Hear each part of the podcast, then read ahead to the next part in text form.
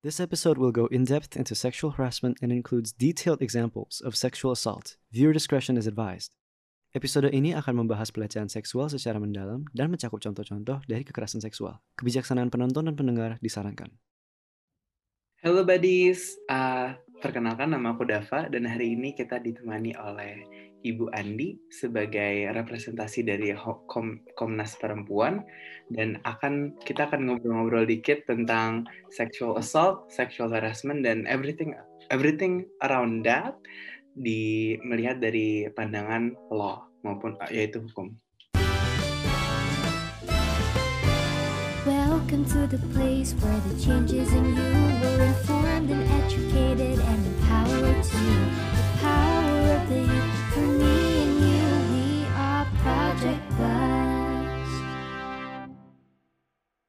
Nah, mungkin sebelum kita mulai, Ibu Andi bisa perkenalkan diri dulu. Ya, halo malam semuanya, saya sehat ya. Um, saya Andi Yentriani uh, di periode 2020-2024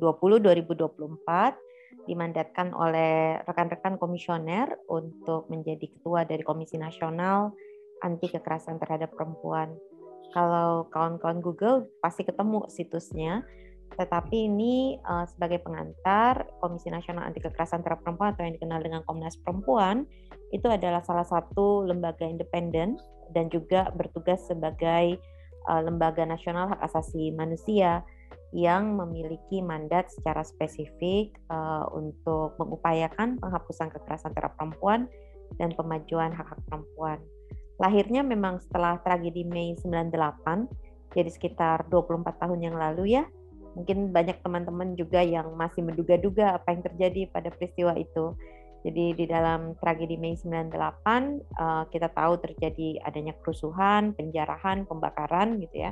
Dan di tengah-tengah peristiwa tersebut juga terjadi tindak kekerasan seksual khususnya perkosaan yang dilakukan secara berkelompok gitu. Nah, upaya untuk mengungkapkan kasus ini kemudian menghantarkan permintaan dari masyarakat agar negara bertanggung jawab pada kekerasan yang dilakukan ataupun terindikasi keterlibatan aparat negara di dalamnya termasuk tentang kekerasan terhadap perempuan. Nah, eh, kami punya mandat untuk melakukan pendidikan publik eh, seperti sekarang ini kita bisa ngobrol-ngobrol tentang apa pun soal kekerasan terhadap perempuan dengan harapan lebih banyak orang yang ikut serta dalam upaya menghapuskan kekerasan terhadap perempuan tapi mandat kami yang lain adalah termasuk juga melakukan pemantauan, eh, termasuk mencari eh, fakta di lapangan, mendokumentasikannya dan menjadikan itu sebagai basis ya selain kajian-kajian tentunya menjadi basis untuk perubahan kebijakan agar uh, situasi yang bisa mendorong penghapusan kekerasan terhadap perempuan menjadi lebih baik.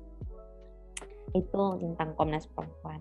Terima kasih banget atas penjelasannya untuk karena mungkin di uh, people apa anak-anak seumuran aku mungkin tahu apa itu Komnas tapi aku pun nggak begitu tahu oh ternyata itu hasil dari reformasi dan hasil dari tragedi 98 yang uh, yang udah sangat problematik banget pada waktu itu. Nah, mungkin mengenai organisasi Komnas sendiri, aku mau nanya lebih. Nah, Komnas itu, aku mau mungkin nanya, karena kan Komnas pasti ada hubungan dengan kepolisian dan karena kan nangkep apa itu penjahatnya itu apa hubungan dengan kepolisian atau dengan aparat lain itu gimana ya? Kita uh, menempatkan diri sebagai uh, lembaga independen yang bekerja secara uh, konstruktif, jadi tidak menggantikan. Kalau ada kasus yang diadukan, bukan berarti Komnas Perempuan akan menjadi penyelidiknya. Jadi ini beda sekali nih dengan KPK ya. Kita tahu KPK kan punya penyelidiknya, punya penuntutnya, gitu misalnya. Nah, kalau Komnas Perempuan Eh, kita bertindaknya eh, kita akan melakukan eh, verifikasi data memang itu dan kalau persoalan ini kemudian belum dilaporkan ke mana pun kita akan merujuk korban kepada lembaga pendampingan. Karena ini sangat penting ya banyak korban yang kemudian takut untuk melaporkan sendiri kan jadi dia butuh pendamping gitu. Nah, uh, tetapi kita juga bisa langsung berkomunikasi dengan pihak kepolisian. Seandainya kasusnya sebetulnya sudah dilaporkan tapi mentok, misalnya uh, udah lama dilaporkan tapi kok nggak ada proses penyelidikannya gitu. Jadi kita akan berkomunikasi dengan pihak kepolisian untuk bertanya bagaimana status hukum dari proses uh, kasus itu. Nah, Komnas Perempuan juga kerap diminta untuk menjadi saksi ahli gitu dan kami juga menyediakan um, misalnya um, pendapat ya kayak kertas posisi gitu atau menyatakan posisi kita di pengadilan terhadap kasus-kasus tertentu terutama di dalam kasus-kasus seperti judicial review di Mahkamah Konstitusi atau Mahkamah Agung. Jadi lebih seperti mediator di antara yang orang yang ngadu dan uh, penjahatnya gitulah ya. Mungkin karena bahasa mediasi di Indonesia kan dia juga terikat ya pada peraturan tertentu. Jadi kami nggak akan bikin atau tidak akan menggunakan kata mediator gitu. Tetapi mungkin hmm. kita bisa menjadi jembatan lah komunikasi gitu dan kita memang arahnya adalah mendorong proses hukum menjadi lebih cepat gitu dan lebih berarti bagi perempuannya. Tapi Komnas Perempuan tidak melakukan pendampingan satu persatu kasus nih. Kenapa? Karena Komnas Perempuan itu berdasarkan peraturan presidennya eh, pertama memang tidak diberikan mandat untuk penyelesaian kasus. Ini beda dengan kalau kawan-kawan nanti membaca mandat peraturan presiden untuk Kementerian Pemberdayaan Perempuan dan Perlindungan Anak. Di situ disebutkan bahwa Kementerian Pemberdayaan Perlindungan Anak menjadi uh, semacam aktor penyelesaian uh, akhir dari kasus kekerasan terhadap perempuan. Kalau tugasnya Komnas Perempuan itu sebetulnya hmm, lebih pada pemantauannya. Nah, uh, selain itu juga secara kapasitas organisasi Komnas Perempuan nggak mungkin karena sampai sekarang peraturan presidennya itu hanya membolehkan 45 orang staf. Jadi bayangkan dari tahun 98 ya kami cuma ber-45 gitu stafnya gitu. Karena sampai ini nih uh, Dava dari tahun uh, Januari sampai bulan Juni itu kita sudah terima 5.000 kasus. Bayangkan. Itu uh, 2.500 kasus, maaf, 2.500 kasus. Dan itu sama dengan jumlah kasus di tahun lalu gitu. Jadi setengah tahun aja udah sama dengan tahun lalu, padahal kapasitas uh, stafnya sama gitu ya, dan kami sangat menggantungkan pada relawan sebetulnya untuk melakukan proses verifikasi kasus gitu. Nah itu kan sesuatu yang hampir nggak memungkinkan ya kalau kita mendampingi satu persatu kasus karena satu kasus bisa membutuhkan waktu cukup lama. Yang dilakukan Komnas Perempuan adalah memberikan dukungan pada penyelesaian kasusnya. Tentunya kami memonitor agar kasus yang tertumpuk bisa diselesaikan dari waktu ke waktu. Jadi kalau aku bisa uh, ngambil kesimpulan, mungkin uh, yang ngambil actionnya itu kepolisian, aparat kepolisian dan aparat uh, yang Kementerian Perlindungan Anak dan Wanita dan Komnas itu sebagai supervisor mungkin bisa disebut kayak gitu kali ya? Boleh, dia menjadi kayak memang kalau di dalam undang-undang gitu ya uh, kita biasanya tidak disebutkan secara langsung, tapi peran seperti Komnas Perempuan, uh, selain Komnas Perempuan itu ada dua lagi, Lembaga Nasional Hak Asasi Manusia. Mungkin kenal Komnas HAM ya, yang sudah pasti kan, uh, Komisi Nasional Hak Asasi Manusia dan Komisi Perlindungan Anak Indonesia. Makasih banyak atas penjelasan mengenai Komnas.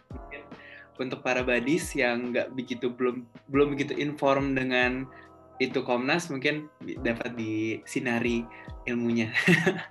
Oke, untuk pertanyaan lanjutnya aku mau nanya tentang mungkin kan orang masih oh pelecehan seksual, uh, sexual assault dan spektrum-spektrum itu mungkin orang masih agak bukannya sama ya gitu-gitu gitu. Mungkin bisa dijelaskan secara hukum itu apa sih per, pembagiannya ataupun jika ada pembagiannya? Mungkin secara konseptual dulu kali ya uh, kekerasan mungkin yang paling besar itu adalah kekerasan berbasis gender. Jadi dia uh, kan kita tahu ya ada macam-macam alasan orang melakukan kekerasan dan salah hmm. satu alasannya adalah uh, konstruksi di dalam masyarakat yang membedakan siapa laki-laki dan siapa perempuan. Dan karena itu nanti pengalaman kekerasannya laki-laki dan perempuan itu bisa jadi berbeda gitu. Dan kalaupun tindakannya sama, dampak yang dialami oleh si perempuan dan si laki-laki itu bisa berbeda sekali gitu. Nah, eh, dari konsepnya sebetulnya kekerasan itu dibagi menjadi tiga secara utama ya. Jadi ada kekerasan yang sifatnya fisik, eh, kemudian psikis dan eh, seksual gitu. Jadi yang didera kalau psikis tentunya dia mengakibatkan luka-luka dan lain-lain ya. Kalau fisik, mm -hmm. kalau psikis berarti dia tidak melakukan serangan pada tubuh langsung gitu, tapi dia memakan seluruh emosi. Nah, kalau kekerasan seksual itu dia mengarah pada organ uh, seksual, fungsi reproduksi gitu ya. Tetapi memang kalau kita lihat sebetulnya kan kalau dampak bisa jadi dia bertumpang tindih ya. Orang yang dipukul bisa jadi mengalami ketakutan kan, uh, trauma yang luar biasa. Jadi dia memiliki dampak psikis sama seperti juga orang yang mengalami kekerasan psikis, misalnya dia diancam dan lain-lain gitu, dia bisa saja kehilangan fungsi seksualnya karena ketakutan gitu. Nah, jadi eh, dari pertanyaannya Dava, mungkin yang paling relevan adalah ketika kita membahas tentang kekerasan seksual. Nah, eh, sebetulnya kekerasan seksual ini juga eh, sering kali selain kata violence ya, kekerasan, yang sering kali digunakan adalah assault. Jadi karena dia bentuknya penyerangan kan, penyerangan kepada tubuh, organ seksual dan juga fungsi seksual seseorang gitu. Nah, dari data Komnas Perempuan yang kita kumpulkan dari tahun 98 sampai uh, terutama tahun 2010 ya. Jadi waktu kita mulai melihat ulang sebetulnya apa aja sih yang dialami oleh perempuan di Indonesia ketika kita bicara soal kekerasan seksual atau serangan seksual gitu. Ternyata uh, kami menemukan ada 15 bentuk uh, kekerasan seksual gitu. Nah, 15 ini termasuk tadi perkosaan, uh, kalaupun ancaman perkosaan ya ataupun percobaan perkosaan biasanya kita dengar ya percobaan perkosaan itu biasa nggak jadi karena ketahuan aja atau si korbannya sempat melarikan diri atau yang lainnya ya. Tapi kalau tidak ada faktor-faktor lainnya biasanya akan terjadi perkosaannya. Tapi juga kita kenal pelecehan seksual. Jadi pelecehan seksual itu bagian dari serangan seksual. Hanya saja dia memang diarahkan lebih untuk membuat seseorang eh, karena eh, diarahkan untuk membuat seseorang merasa jengah tapi juga bisa dimaksudkan untuk penikmatan sepihak saja gitu tanpa memperhatikan bahwa pihak yang eh, menjadi target itu kemudian merasa malu ya jijik ataupun bahkan merasa apa martabatnya direndahkan. Bentuknya pelecehan seksual sendiri macam-macam. Ada yang verbal aja, jadi dengan misalnya kita sering dengar ya orang disiul gitu atau dibuat gestur tertentu dengan gerakan mata atau Eh, gerakan yang sebetulnya punya muatan seksual mimik dan lain-lain ya. Saya nggak bisa menirukan gitu. Tapi kira-kira mungkin Dava dan kawan-kawan paham lah ya maksud saya kan. Nggak uh, paham ya gitu. Nggak perlu saya cobain kan ya di dalam di dalam ruang ini tapi juga ada bentuknya seperti uh, sentuhan gitu ya uh, ini jadi bentuknya pelecehan seksualnya udah fisik nih dia bentuknya sentuhan gitu ya dia bisa juga misalnya yang non fisik Eh, juga bisa seperti orang yang eksibisionis gitu. Jadi dia memperlihatkan alat kelaminnya dengan masuk untuk mendapatkan kepuasan sepihak kan tanpa dia hmm. memperhatikan bahwa pihak yang dia pertunjukkan itu kan merasa malu atau penjijik ataupun merasa direndahkan gitu. Atau juga eh, sekarang ini yang paling paling banyak gitu ya sampai tiga kali lipat eh, jumlahnya dilaporkan Komnas Perempuan adalah pelecehan seksual yang juga dilakukan dengan menggunakan media internet gitu. Misalnya orang mengirimkan foto tertentu gitu atau kita juga mengenal ada yang namanya pemaksaan aborsi, pemaksaan kontrasepsi, pemaksaan perkawinan karena kan dalam perkawinan orang di seolah-olah ya sebetulnya isu perkawinan kan lebih banyak soal bagaimana seseorang diperbolehkan melakukan hubungan seksual.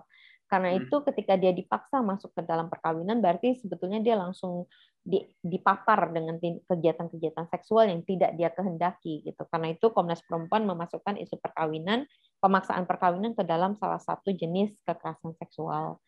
Juga ada eh, eh, apa jenis kekerasan yang lain adalah pemaksaan prostitusi, tapi juga ada pemaksaan prostitusi yang sampai orang kehilangan kemerdekaannya gitu. Jadi dia dikunci dan lain-lain. Nah, ini yang kita sebut dengan perbudakan seksual.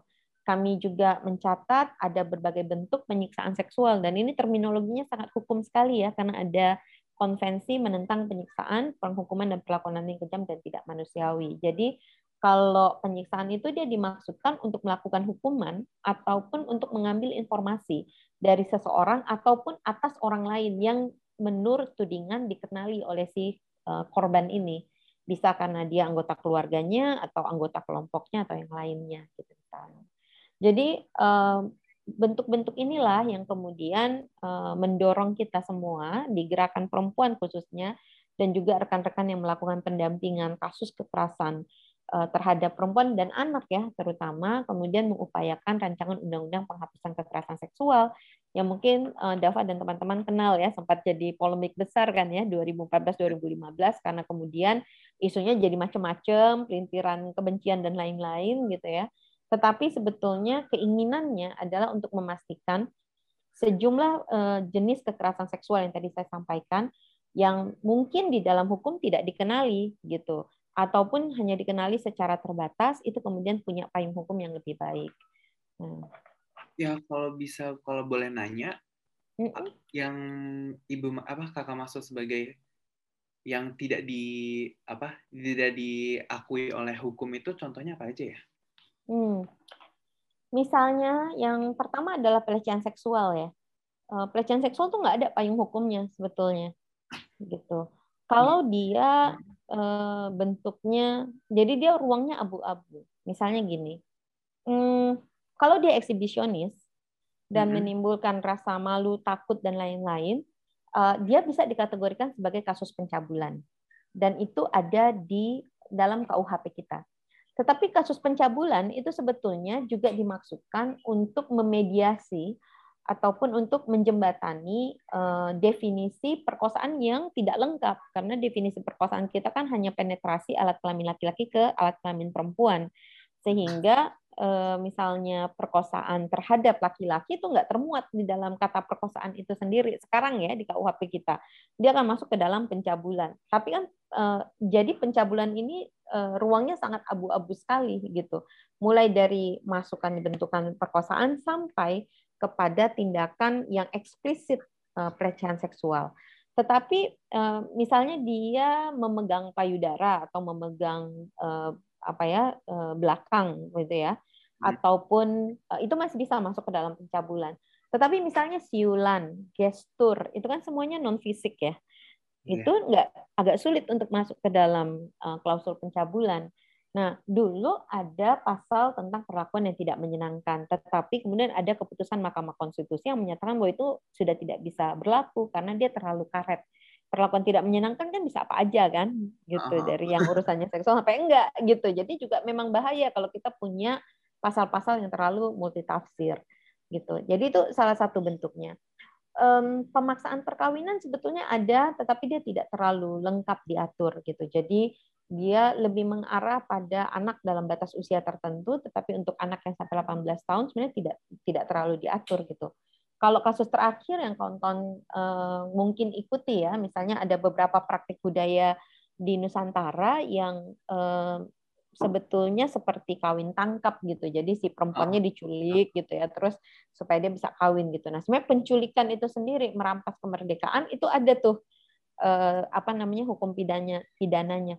Tetapi pihak-pihak yang menyebabkan dia tetap terpaksa menikah itu kan nggak ada hukumnya kemudian gitu karena dia kalau soalnya menjadi berbeda. Bagaimana kita menyoal orang yang udah diculik tadi, dia juga nggak bisa lagi Eh, meskipun dia tidak mau gitu, tetapi sudah ada eh, seperti persepsi di dalam masyarakat bahwa kalau kamu sudah lewat satu kali 24 jam, artinya bisa jadi hubungan seksual sudah terjadi dan karena itu kamu sudah tidak lagi suci. Karena itu kalau dia balik ke dalam masyarakat dia juga akan dikucilkan gitu. Jadi kan kondisi serupa itu menyebabkan si perempuannya terutama ya tidak bisa keluar gitu ketika dia sudah diculik gitu. Nah, bentuk yang lain juga ketika misalnya seorang anak uh, diminta untuk menikah dengan orang yang uh, lebih tua entah berapa kali dari dirinya atau bahkan praktik seperti mendorong korban perkosaan untuk menikahi pelakunya gitu dengan alasan untuk menyelamatkan dirinya gitu ya dari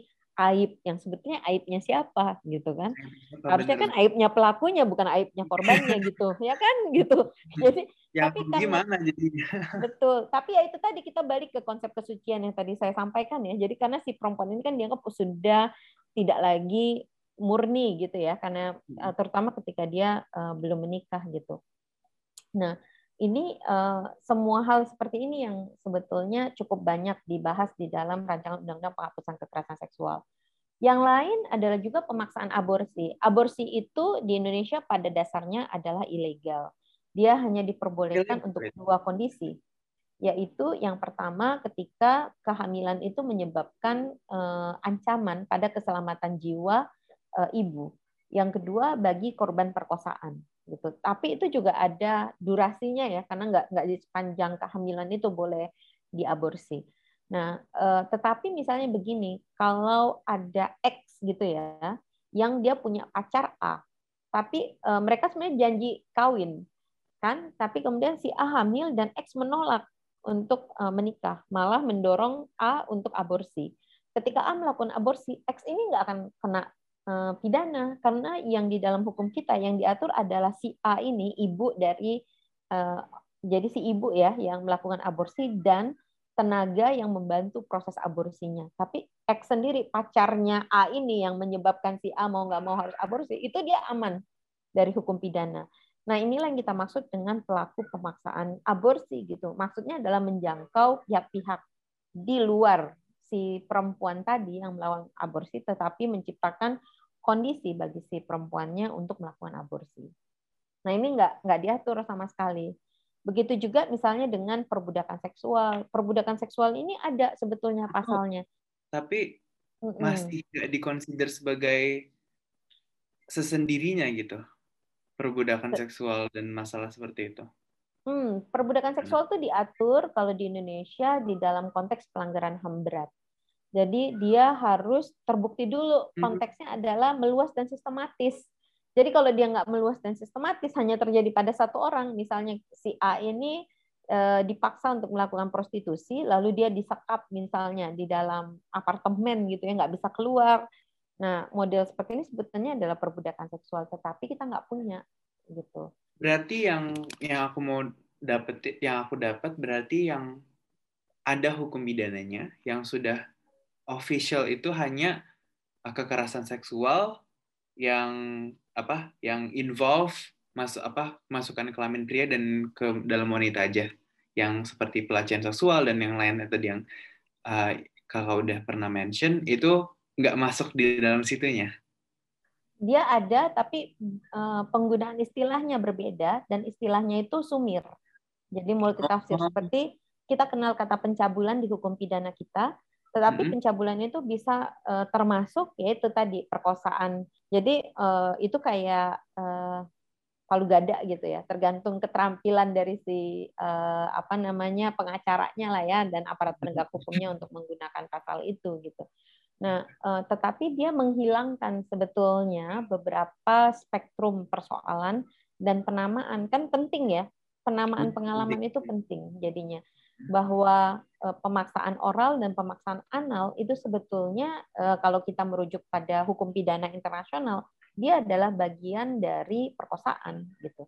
Kalau nanti teman-teman baca di dalam hukum pidana kita, kata perkosaan dan pencabulan ini kemudian memberikan dimensi pidana yang berbeda karena perkosaan dianggap lebih berat dibandingkan dengan pencabulan. Nah, jadi kita berusaha untuk uh, membuat apa ya penyetaraan kategorisasi juga gitu untuk menunjukkan uh, derajat dari persoalan itu. Badis, kalau kalian merasakan apa yang aku rasakan, aku agak baffled. Mungkin nggak ada nggak tahu mau ngomong apa karena banyak hal yang sangat dijadikan satu, padahal seharusnya tidak gitu ya. Mm -mm. Mm -mm. Dan jadi kategori, mm. jadi uh, kategori di, ketindakan itu hmm. jadi sangat penting karena di dalam hukum pidana setiap istilah itu kemudian akan uh, punya konsekuensi gitu pada pemidanaannya. Nah, aku mau Dan nanya. juga ini satu lagi pada unsurnya. Jadi kalau nggak dipenuhi unsurnya maka dianggap dia bukan tindak pidana itu. Misalnya ada orang bertanya gini, terus kenapa nggak menggunakan perdagangan orang saja di dalam uh, isu pemaksaan prostitusi ataupun pemaksaan uh, ataupun perbudakan seksual tadi misalnya. Hmm.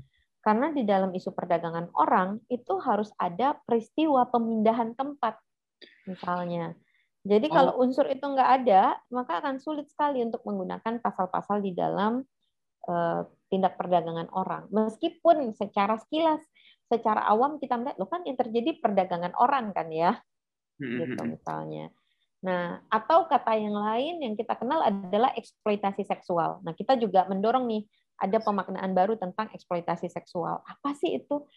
Eh, ketika seseorang menggunakan kerentanan orang lain untuk mendapatkan keuntungan bagi dirinya tanpa melakukan pemaksaan yang secara fisik gitu. Kalau boleh disederhanakan ya, tentunya terjemahan definisinya akan menjadi eh, lebih rumit untuk diikuti.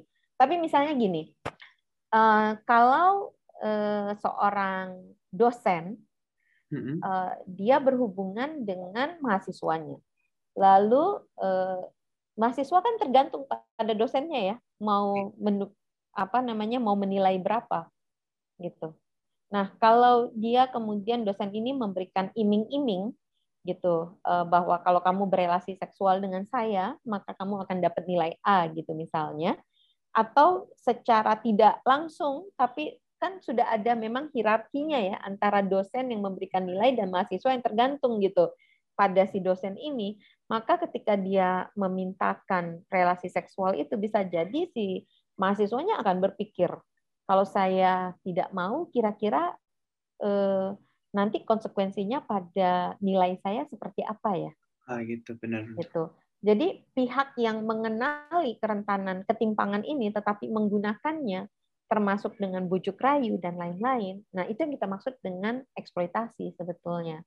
Nah, ini ruang yang tidak terlalu diatur karena penggunaan kata eksploitasi seksual misalnya dalam undang-undang pornografi itu beda banget pemaknaannya. Pada banyak kasus bahkan kalau kita lihat di PBB itu jadi uh, satu isu sendiri ya. Kalau kawan-kawan yang tertarik gitu misalnya pada uh, pasukan perdamaian gitu. Nanti bisa lihat tuh di websitenya UN. Ini uh, adalah contoh-contoh yang juga terjadi di Indonesia gitu, bukan bukan karangan ya. Aku sangat aku sendiri sangat interested kenapa kenapa pencabulan dan yang tadi yang udah tadi udah dimention yang pelecehan seksual dan apa pemaksaan aborsi dan teman-temannya itu mengapa itu dijadikan kenapa dijadiin satu umbrella term kenapa hanya dikategorisikan sebagai pencabulan dan nggak masing-masingnya sebetulnya upaya untuk melakukan revisi itu udah panjang sekali gitu. Nah, oh. um, karena kebutuhan untuk revisi ini terlalu lamban gitu hmm. dan kemudian uh, kan perkembangan uh, di dalam masyarakat khususnya dari kelompok yang melakukan pendampingan kasus-kasus kekerasan kan melihat bahwa ini kalau kasusnya seperti ini lama-lama korbannya bisa nggak dapat akses apa pun gitu. Itu yang kemudian uh, mendorong upaya untuk membangun payung hukum yang lebih baik gitu. Nah, payung kemungkinan payung hukumnya bisa dengan merevisi KUHP, hukum pidana kita, atau membuat payung hukum yang baru, undang-undang terpisah, kayak undang-undang perdagangan orang. Di dalam eh, KUHP kita juga ada, tapi penjelasan di KUHP itu terlalu uh, parsial gitu untuk bisa menampung uh, dinamika uh, tindak kejahatan uh, apa perdagangan orang itu sendiri gitu. Nah, tapi kan kalau mengubah KUHP itu dia babnya kan banyak banget ya. Kalau iya. teman-teman yeah. yang suka hukum babnya banyak banget gitu dan keinginan Maksud... mengubahnya tuh bukan per bab gitu. Pengennya kalau ketok gitu ya. Maksudnya legislatornya ya, pengennya kalau ngetok satu buku gitu kan. Kalau sebab-sebab mungkin lebih gampang ya. Tapi karena pengennya ngubahnya satu buku, lama-lama jadi lewat 10 tahun, lewat 20 tahun kok nggak berubah-berubah gitu kan. Jadi semua orang berusaha untuk bagaimana membuat terobosan hukum tadi gitu. Penjelasannya sih lebih karena ya itu tadi hukumnya terlalu arkaik gitu ya. Dia udah udah kunak banget gitu, udah saatnya diubah gitu dan proses pengubahan itu sebenarnya kita tuh sekarang lagi di titik sejarah loh. Apakah kita akan berhasil membuat payung hukum yang lebih baik gitu ya eh, dibandingkan dengan hukum pidana yang ada. Nah, salah satu kebutuhan lain di dalam sistem hukum kita adalah hukum pidana, ya namanya hukum pidana. Dia lebih fokus pada pelakunya atau tersangkanya dan pelakunya dibandingkan dengan korbannya. Akibatnya misalnya kata pun dengan uh, definisi perkosaan yang terbatas itu tadi. Lalu pelakunya dapat uh, hukuman maksimal gitu. Tapi setelah itu ya sudah eh, korban dapat apa dong gitu. Untung-untung kalau korbannya sedari awal mendapatkan pendampingan pemulihan. Kalau tidak, akan banyak korban yang dia harus berjuang sendiri gitu. Karena itu payung hukum kita yang baru harusnya dia memuat bukan saja terobosan soal definisi hukumnya, soal bagaimana prosedur pembuktiannya ataupun pemidanaan pelakunya, tapi bagaimana memastikan pemulihan korban yang sifatnya itu tentunya aspek-aspeknya nggak cuma satu ya untuk bisa hmm. pulih kan ya eh, gitu. Semua aspek itu bisa secara komprehensif tertangani gitu dan juga ada penguatan di mekanisme pencegahan karena efek jerah itu nggak bisa hanya dari penghukuman pelaku. Mungkin aku mau agak karena pas juga dengan apa yang aku pengen tanyain, uh, apakah yang uh, kakak mention sebagai uh, perubahan KUHP ini itu sebagai RUU PKS atau enggak ya? Betul, dia uh, RUU penghapusan kekerasan seksual yang sekarang mungkin namanya macam-macam ya, gitu. Tapi uh, ada sekarang kan ada uh, balik uh, Badan Legislatif di DPR mengeluarkan uh, judulnya adalah uh, rancangan undang-undang tindak pidana kekerasan seksual, gitu misalnya. Namanya sendiri belum definitif, tapi memang waktu kita merancang di awal tahun 2014, jadi ini uh, jadi 2010 itu kita mengumpulkan ulang nih. Kan kalau di teman-teman ya, jadi saya harus ulang agak ini ya, backlash hmm. gitu ya. Uh, sorry agak flashback gitu Pak ya, sampai kebalik nih. Flashback flashback gitu. Uh, tahun 98 itu sebetulnya nggak banyak lembaga pendampingan. Di kepolisian juga belum ada nih yang khusus melakukan uh, upaya penyelidikan untuk kasus-kasus kekerasan terhadap perempuan.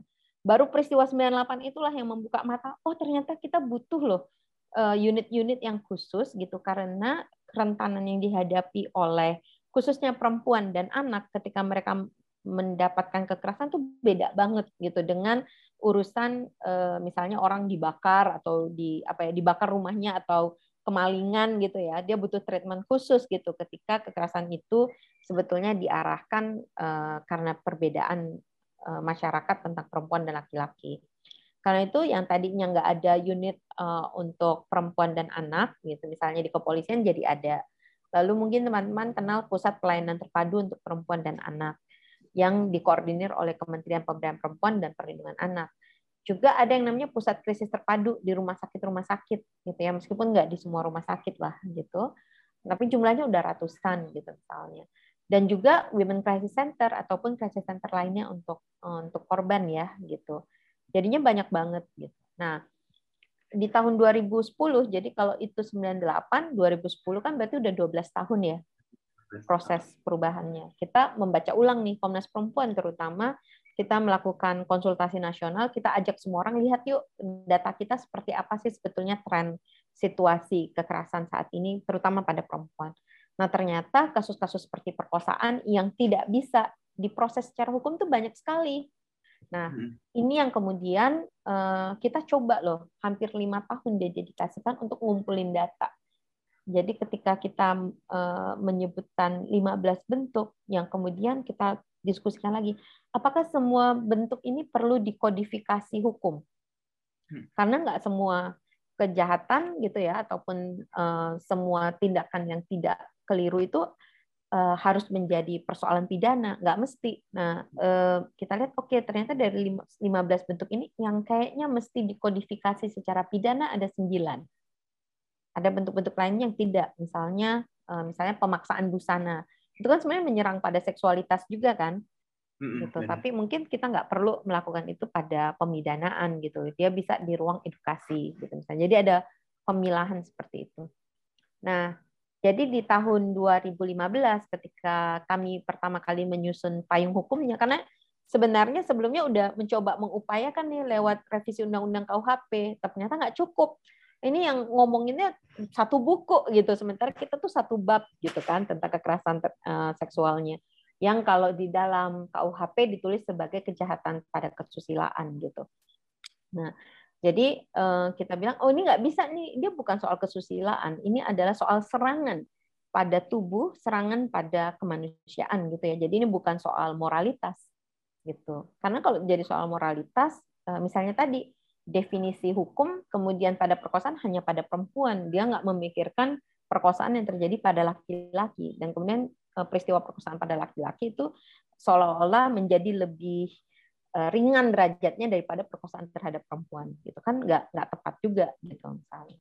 Nah jadi eh, kita oke okay, kita butuh payung hukum baru sebagai terobosan yang namanya RUU penghapusan kekerasan seksual. Tapi proses lima tahunnya kan macam-macam dinamikanya. Nah sekarang eh, nama nama rancangannya sendiri bisa beda-beda. Nanti mungkin ketok palu undang-undangnya juga jadi berubah namanya tapi yang kita pertahankan adalah tadi yang kita sebut dengan enam elemen kuncinya yang harus ada eh, definisi yang tepat untuk merepresentasikan pengalaman kekerasan seksual itu sendiri, kemudian terobosan pada hukum acara pidananya, jadi tentang bagaimana proses hukumnya, lalu tentang pemidanaan pelakunya sendiri, jadi bukan cuman hanya pemidanaan dalam bentuk uh, hukuman penjara gitu ya, ataupun denda ataupun hukuman administratif, tapi kita juga harus memikirkan pidana lain gitu seperti uh, tindakan khusus yang memungkinkan uh, pelaku mengalami pembinaan supaya dia betul-betul sadar bahwa dilakukan ada sesuatu yang keliru gitu. Nah, juga tadi soal pemulihan korban itu sentral banget gitu. Karena dia bukan hanya soal pemidanaan pelaku, soal pencegahan juga sangat penting dan pengawasan. Itu yang kita sebut dengan elemen eh, enam elemen kunci yang eh, kita harapkan ada di dalam payung hukum yang baru. Yang tentunya tidak bisa termaktub hanya dengan melalui revisi KUHP. Karena kita hukum pidana kita sekali lagi dia hanya fokus pada pemidanaan si pelakunya mungkin para badis yang penasaran dengan RUPKS itu tadi ada sedikit uh, sirna apa cerahan rohani dari Komnas Perempuan yang involve juga dengan pembuatan itu juga pembangunan itu juga. Karena mungkin banyak uh, banyak opini terhadap RUU TPKS dan banyak opini yang sangat menentang satu sama lain. Dan aku tadi jujur aku pun punya opini ku sendiri mengenai itu tapi setelah tadi dengar dan dari langsung dari uh, kata Kak Andi aku langsung oh iya juga gitu loh. Karena kalau kita lihat kalau aku lihat dari perjalanannya kan agak rough ya. Dulu ada yang kayak kok kayak gini kayak kok kayak gini doang kok kayak gitu doang gitu loh. Tapi uh, kita juga gimana kita juga sebagai generasi yang baru juga ngerasa kayak kita ingin membuat Indonesia menjadi lebih baik gitu. Dan aku ngerasa tadi setelah dijelaskan dan tadi ada enam elemen utama itu, itu benar sangat membantu kita, membantu aku sendiri dan semoga membantu para badis juga untuk mengerti bahwa proses ini tuh proses sangat lama, proses yang sangat complicated dan uh, mungkin nggak bakal keluar sempurna, tapi semoga dapat membantu banyak apa banyak victim-victim yang terkena kasusnya dan pemidanaan pemidanaan yang lebih konsisten dan juga lebih ya uh, tumbung timpal dengan victimnya kali ya. Ini. Betul betul banget. Uh, mungkin untuk pertanyaan terakhir, aku mau nanya, ini lebih ke mungkin lebih ke konklusinya aja. Nah, menurut kakak sendiri, jika emang mungkin nggak tahu apakah besok atau apa tahun depan atau tahun ini atau tahun depannya lagi RUU PKS ini apakah bisa mengubah cara kita atau cara hukum dan juga cara hukum dan cara cara satu negara Indonesia melihat kekerasan seksual apakah bisa merubah itu? Hmm, sebagai orang yang menemani proses ya dari tahun 2010 karena waktu itu um, saya sudah jadi komisioner di Komnas Perempuan 2010-2014, eh, kemudian berselang baru saya masuk lagi 2020-2024 ini.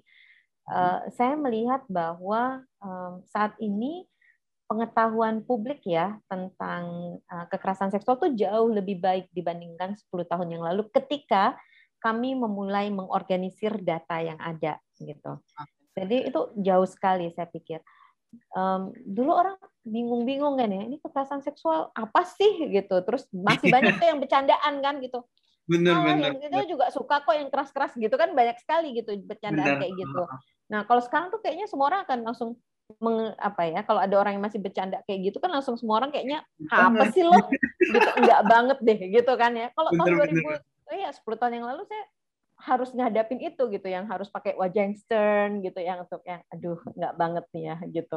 Sampai saya punya tuh yang uh, kayak 10 apa most frequently asked question gitu ya. Jadi sampai udah kayak gitu tuh. Nah salah satunya tuh yang itu tadi bercandaan-bercandaan gitu misalnya kan ya.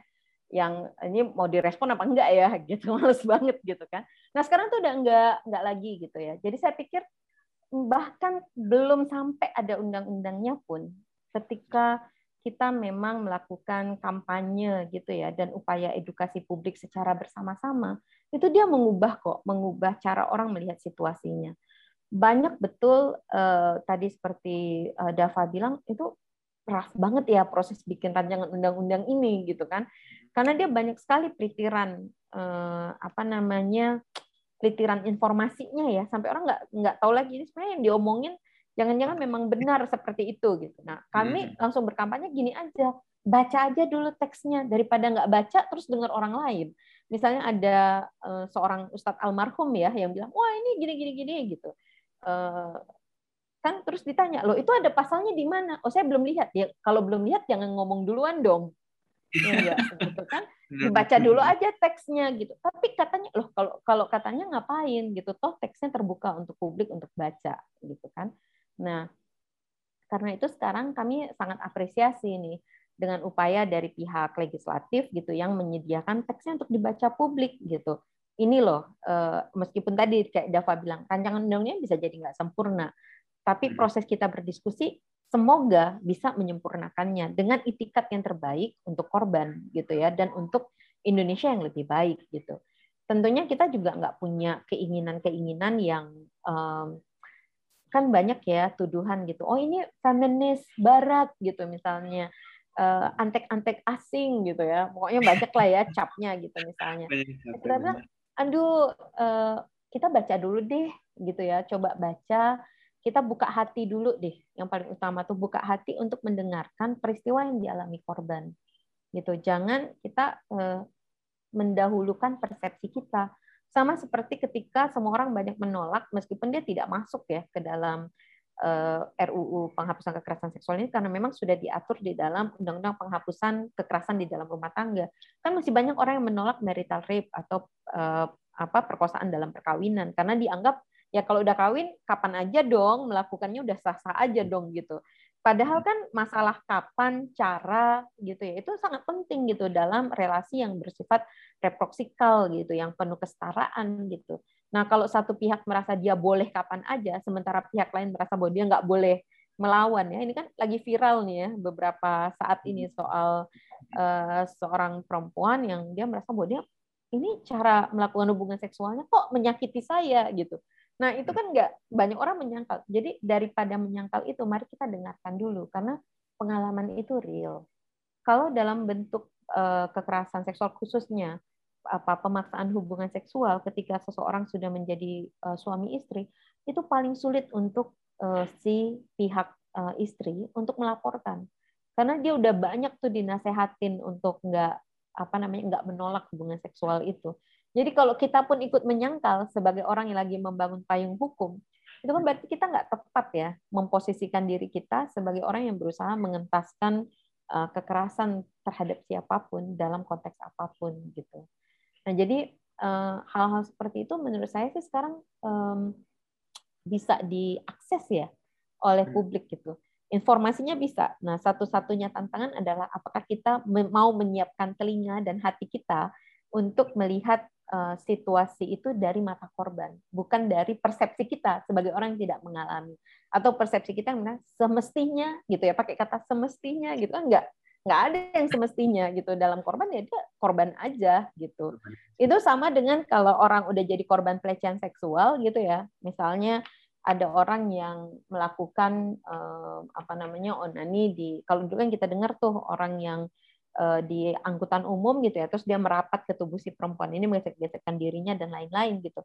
Terus kita akan sibuk bilang, semestinya si perempuannya sadar dong, semestinya dia pakai baju kayak apa dong, semestinya dia berusaha untuk ada di gerbong yang perempuan aja gitu. Misalkan banyak semestinya yang kita arahkan kepada si korbannya dibandingkan kita berusaha betul-betul memahami apa sih yang dirasakan dan di, menjadi dampak yang berkepanjangan yang harus dialami oleh si korban ini dan mengapa si pelaku melakukan apa yang dilakukan supaya kita bisa memastikan si pelaku paham bahwa yang dia lakukan itu keliru dan kita punya ruang untuk memastikan nggak ada lagi kejadian serupa di masa depan. Gitu.